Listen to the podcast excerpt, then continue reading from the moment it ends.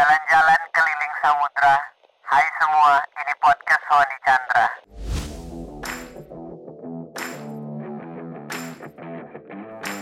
Hai, apa kabar? Udah lama ya kita nggak ngobrol. Lo gimana? Bahagia nggak? Pernah nggak lo bertanya, kapan ya kita harus ngerasa bahagia? Apakah setelah kita mencapai tujuan kita? Tapi lihat deh, tujuan nggak pernah ada habisnya. Begitu satu tujuan tercapai, ada lagi tujuan selanjutnya. Terus kapan dong baru bisa bahagia? Gimana sih makna bahagia sesungguhnya? Gue punya salah satu cerita favorit yang pernah gue bawakan di acara Permadis Innovative Show. Cerita ini diceritakan oleh sang alkemis bernama Paulo Coelho. Kira-kira begini ceritanya.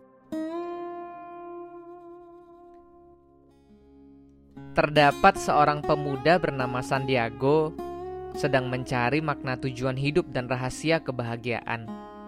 Sandiago dengar ada seorang alkemis paling bijaksana di dunia. Sandiago lalu melintasi padang pasir selama 40 hari dan akhirnya tiba di sebuah kastil indah jauh tinggi di puncak gunung. Sesampainya di sana, ternyata sang alkemis sedang sibuk melayani banyak tamu. Tak sempat jelaskan kepada Sandiago rahasia kebahagiaan. Nah, berkelilinglah di istanaku dan kembali ke sini dua jam lagi. Tapi aku punya tugas untukmu. Pegang sendok ini, kuteteskan dua tetes minyak, sambil kau berjalan-jalan bawa sendok ini, tapi jangan sampai minyaknya tumpah. Setelah berkeliling, Sandiago kembali ke ruang sang alkemis sambil memegang sendok dengan minyak yang masih utuh. Lalu alkemis bertanya, Nah, apakah kau melihat tapestri Persia di ruang makanku? Bagaimana dengan taman indah yang menghabiskan 10 tahun untuk menciptakannya? Apa kau melihat karpet beludru di perpustakaanku? Lalu Sandiago menjawab dengan bingung. Aku tak sempat melihat apa-apa. Aku hanya fokus pada usaha agar menjaga minyak di sendok ini tidak tumpah. Kalau begitu, pergilah sekali lagi berjalan-jalan dan nikmatilah keindahan istanaku. Merasa lega, Sandiago mengambil sendoknya dan kembali menjelajahi istana tersebut. Kali ini, dia mengamati semua karya seni di langit-langit dan tembok-tembok. Dia melihat alam semesta, bunga, serta cita rasa yang terpancar dari segala sesuatu yang indah di istana tersebut. Lalu Sandiago kembali menuju tempat sang alkemis. Wow, orang bijak, tentu kau betah berada di sini. Istanamu begitu indah. Aku tak pernah melihat ini sebelumnya. Bolehkah aku menginap di sini? Tapi di mana tetes-tetes minyak yang kupercayakan padamu? Sandiago lalu memandang sendok tersebut di tangannya dan menyadari dua tetes minyak itu sudah tiada. Cerita ini sangat sederhana, tapi punya makna yang dalam buat gua. Gue merasa kita harus punya tujuan atau panggilan kenapa kita berada di dunia ini, namun kita juga harus bisa menikmati betapa indahnya hidup ini. Ada orang-orang yang hidup untuk tujuan mereka, namun tidak bisa menikmatinya, dan ada yang selalu bersenang-senang, namun kehilangan arah dan tujuan hidup.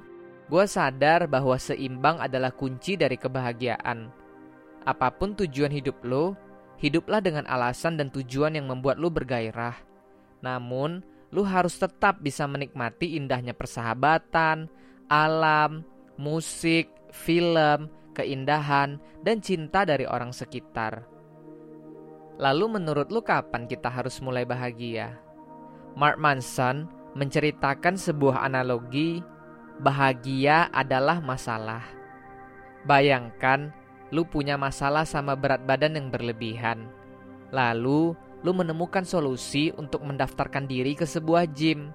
Apakah masalahnya selesai? Tentu tidak, karena lu punya masalah selanjutnya.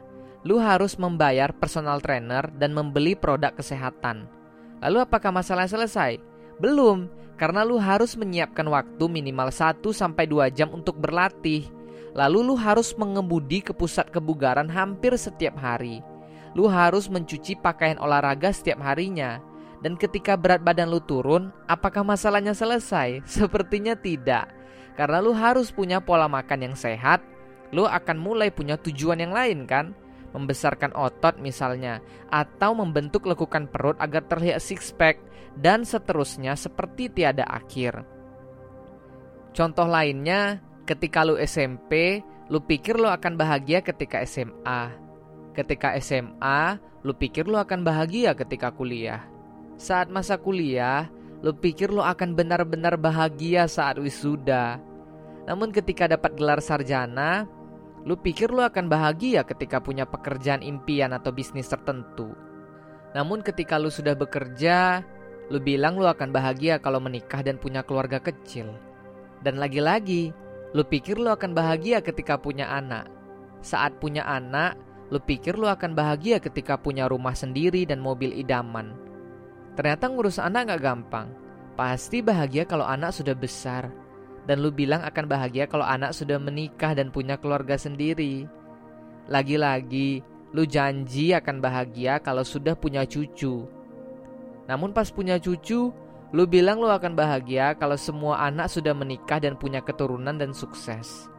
Sampai akhirnya ketika waktu tiba, lu sadar lu belum bahagia dan sudah terlambat karena waktu lu di dunia sudah habis. Mark Manson berkata, "Hidup adalah perjalanan yang tidak ada akhirnya. Ketika kamu berpikir ada di titik kamu ingin berhenti memanjat, saya takut kamu kehilangan arti hidup karena bahagia adalah proses memanjat itu sendiri. Ayo gua dan lu bahagia sekarang juga, tanpa alasan, tanpa syarat, tanpa ketentuan apa pun. Gak perlu punya mobil dulu baru bahagia.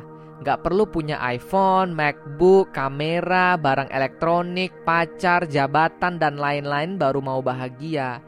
Gak perlu corona berlalu baru mau bahagia. Menurut gua bahagia itu ada di dalam.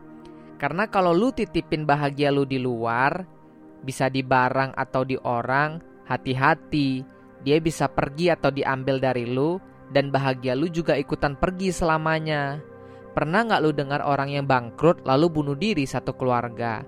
Atau putus cinta karena nggak jodoh, lalu hidupnya hancur berkeping-keping meratapi nasib, dan banyak kasus lainnya. Will Smith pernah berkata kepada istrinya, "Hanya saya yang bisa buat saya bahagia, dan hanya dia yang bisa buat dia bahagia." Kami bersama untuk saling mengingatkan, menyadarkan, dan mengajarkan tidak perlu berusaha membuat orang lain bahagia, karena tidak akan pernah bisa. Buatlah diri sendiri bahagia, karena hanya itu tugas utama kita. Bagaimana caranya bahagia? Cukup 2B, yaitu bersyukur dan berusaha. Apa pun yang terjadi, belajarlah bersyukur. Memang tidak setiap hari baik, namun pasti ada hal baik yang bisa disyukuri setiap harinya. Tapi kita juga perlu berusaha untuk memberikan yang terbaik, jangan kerja setengah-setengah. Senang sekali rasanya ketika kita bekerja dengan hati dan mencintai prosesnya. Memang belajar bahagia adalah perjalanan seumur hidup. Setiap hari kita melatih diri untuk jadi orang yang hidup dengan makna sesungguhnya. Mungkin ini yang ingin Buddha Siddhartha sampaikan bahwa hidup adalah duka atau penderitaan. Bukan membuat kita menjadi pesimis, namun menyadarkan kita bahwa masalah bukan untuk dihindari, namun kita harus menghadapi dan menikmati proses melewati masalah demi masalah. Masalah tidak pernah lebih mudah, hanya saja kitalah yang telah berubah menjadi lebih kuat dan tangguh. Hadapi saja dengan senyuman. Terus gimana caranya menemukan tujuan hidup? Mungkin lo bisa dengerin podcast gue yang ketiga. Kalau cara belajar bersenang-senang gimana? Nanti kita bahas lain waktu. Cerita Paulo Coelho gue baca di bukunya berjudul The Alchemist. Terima kasih Miss Mary Riana yang merekomendasikan buku ini. Dan buku Mark Manson yang judulnya The Subtle Art of Not Giving a Fuck atau Seni Bersikap Bodoh Amat. Banyak kesadaran di buku ini yang gue dapatkan.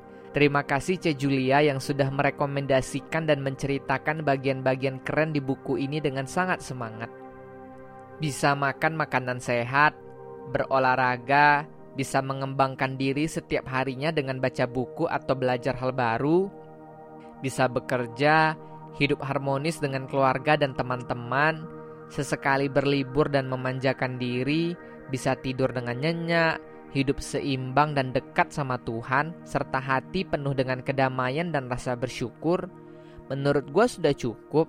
Kalau menurut lu gimana? Gue Hoandi dan gue masih belajar. God bless you. See you in the next podcast. Selamat berbahagia teman-teman.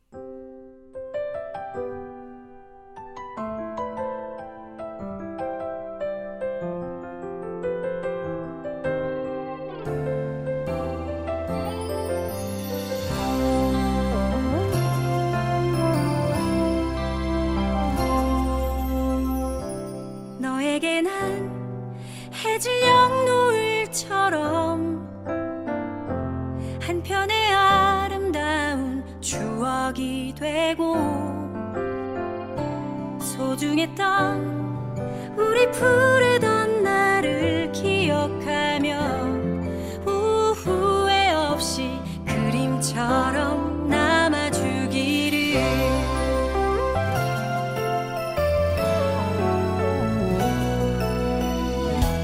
나에게 너